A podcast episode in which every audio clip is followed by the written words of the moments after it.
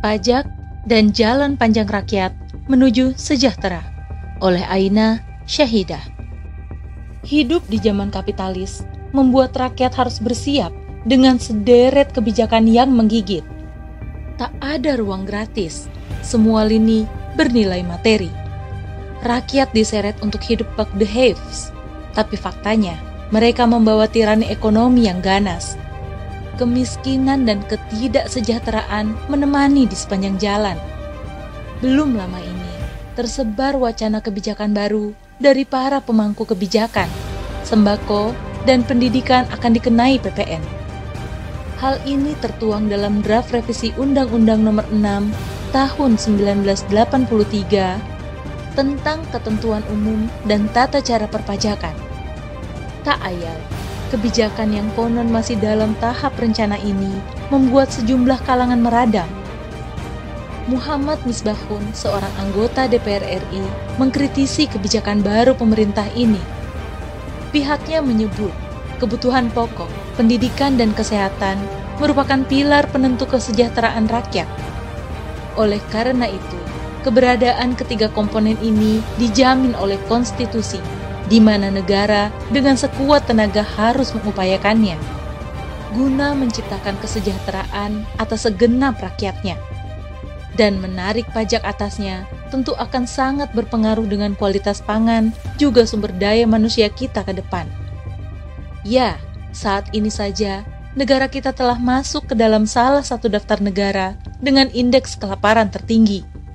Lalu, bagaimana jadinya jika sektor asasiah atau pokok masyarakat dikenai biaya tambahan? Tidakkah kondisinya semakin mempersulit? Sayangnya, tak ada jalan di sistem kapitalisme selain menarik cukai dari rakyatnya. Kita harus menyadari bahwa sejak berlakunya liberalisasi sumber daya alam, pemasukan negara dari sektor non-pajak menurun.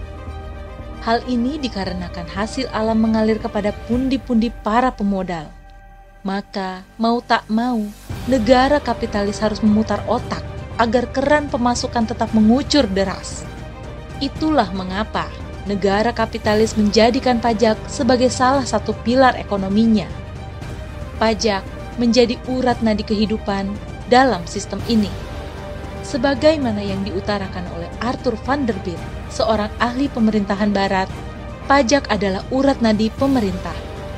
Di tanah air sendiri, menurut data APBN 2016 misalnya, 80% pendapatan negara bersumber dari pajak dan 20% sisanya dari sektor non-pajak.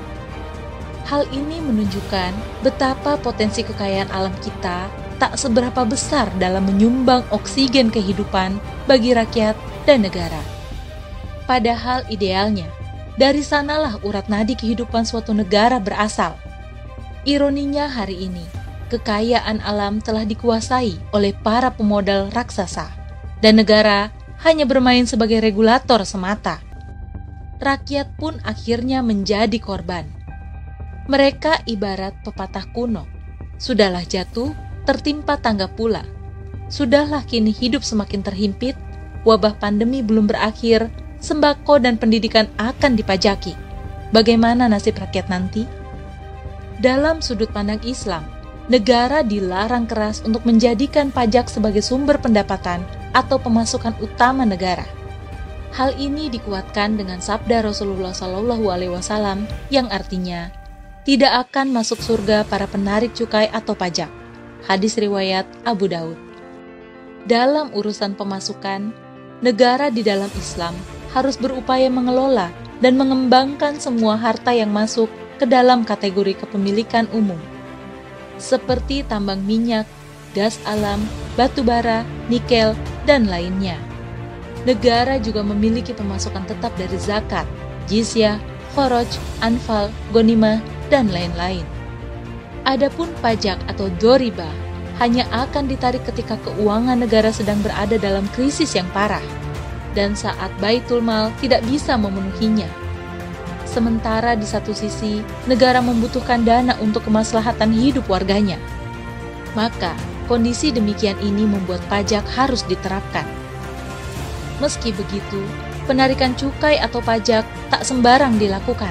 melainkan ada aturan main yang harus diperhatikan. Pajak hanya akan ditarik dari kaum muslimin yang memiliki kelebihan harta setelah dikurangi kebutuhan pokok dan sekundernya. Sesuai dengan standar hidup masyarakat di daerah yang bersangkutan. Apabila setelah dikurangi terdapat kelebihan harta, maka wajib atasnya untuk membayar pajak.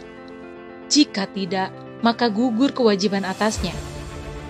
Itulah mengapa pajak di dalam Islam tak akan mengekang, apalagi membuat sulit kehidupan rakyat. Karena penarikannya yang insidental dan pos pembiayaannya yang jelas. Hari ini, bila hendak jujur melihat, sudah sejak lama rakyat kita membayar pajak, bahkan sejak masa kolonial berlangsung. Tetapi, apa yang terjadi? Masih banyak anak-anak negeri yang harus bertaruh nyawa untuk sampai ke sekolah mereka harus melewati jembatan-jembatan darurat, menyeberangi derasnya arus sungai, belajar tanpa penerangan. Jalan-jalan penghubung masih banyak yang rusak. Jurang kemiskinan pun semakin melebar. Kasus kelaparan meningkat, ketimpangan sosial dan potret pilu lainnya. Lalu, ke mana realisasi pajak kita? Sudahkah kepentingan rakyat terpenuhi? Semoga kita dapat bertumbuh menjadi negara yang besar dan diberkahi Allah. Wallahu alam.